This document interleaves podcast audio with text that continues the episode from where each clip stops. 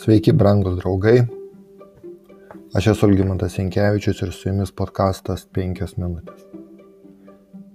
Išėjimo 32 skyriuje skaitome.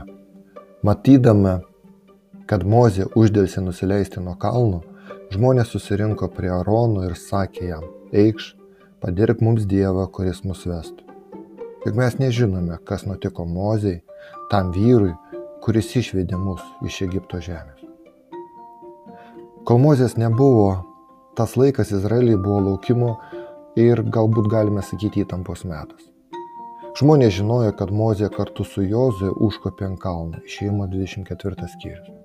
Ir pateko į tirštos tamsos debesį, kurį buvo galima matyti iš lygumos, iš jų stovyklos. Jie nekantriai laukė jo sugrįžimo. Kadangi Egipte jie buvo įpratę prie materialių dievybės vaizdavimo būdų, Jiems buvo sunku pasitikėti nematomu Dievu ir jie pasikliovė Mozę, kad išlaikytų savo tikėjimą. Dabar jis buvo paimtas nuo jų. Diena po dienos, savaitė po savaitės ėjo ir vis tiek Mozė negrįžo. Nepaisant to, kad vis dar matėsi debesis, kai kuriems izraelitams atrodė, kad jų vadovas juos apleido arba kad jį prarijo ryjanti ugnis. Šio laukimo laikotarpiu jiems buvo laikas apmastyti išgirstą Dievo įstatymą ir paruošti savo mintis priimti galimesnius, tolimesnius Dievo prieškimus, nurodymus ir patarimus, kuriuos Dievas galėjo jiems pasakyti. Laikui bėgant izraelitai tapo nerūpestingi, netidus ir sulaužė nurodymus, kuriuos Dievas jiems buvo davęs ir dabar žmonės buvo pasiryžę nebelaukti Mozės pakanka. Pajutę savo bejėgiškumą nesant lyderiui, jie grįžo prie savo senų prietarų.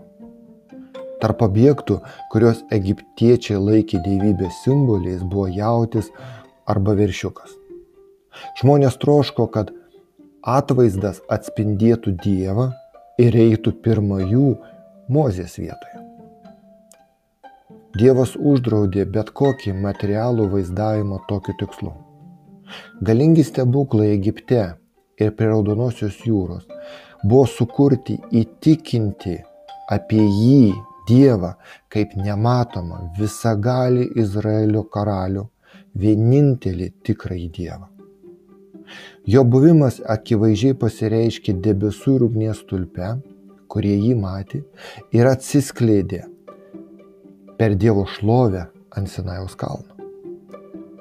Bet dabar priešais esantį buvimo debesį. Jie vėl atsigrėžė į Egipto stabmeldystę. Taip, taip, izraelitai atsigrėžė vėl į Egipto stabmeldystę ir nematomo Dievo šlovę vaizdavo jaučio panašumu.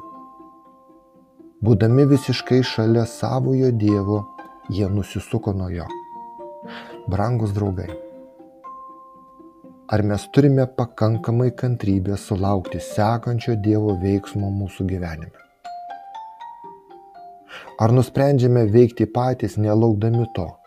O galbūt kitose situacijose mes manome, kad tie, kurie mus veda, kurie mus moko, kurie mus patarė, jau pasišalino nuo mūsų ir mes turime imtis ir daryti kažką tai patys.